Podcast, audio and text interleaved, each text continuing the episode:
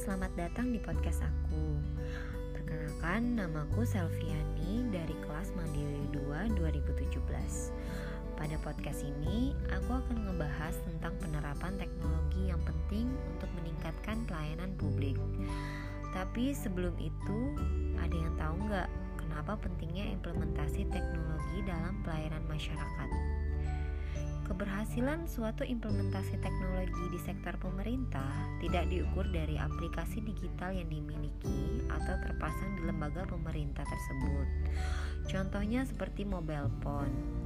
Memiliki smartphone tidak berarti kita langsung menjadi cerdas. Begitu juga menginstal komputer atau memasang sebuah aplikasi di kementerian tidak langsung membuat kementerian atau lembaga tersebut menjadi menjadi cerdas.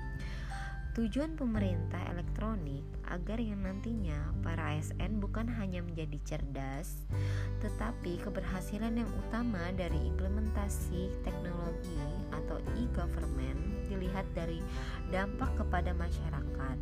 Sebab implementasi teknologi harus memiliki manfaat langsung yang dapat dinikmati masyarakat luas.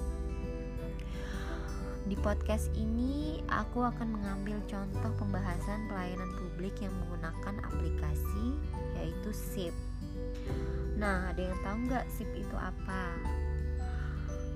Kementerian Pendayagunaan Aparatur Negara dan Reformasi Birokrasi mendorong percepatan perbaikan pelayanan publik melalui pengembangan sebuah aplikasi sistem informasi pelayanan publik atau yang dapat disingkat menjadi dan sistem pengelolaan pengaduan pelayanan publik atau yang dapat disingkat menjadi SP4N Lapor.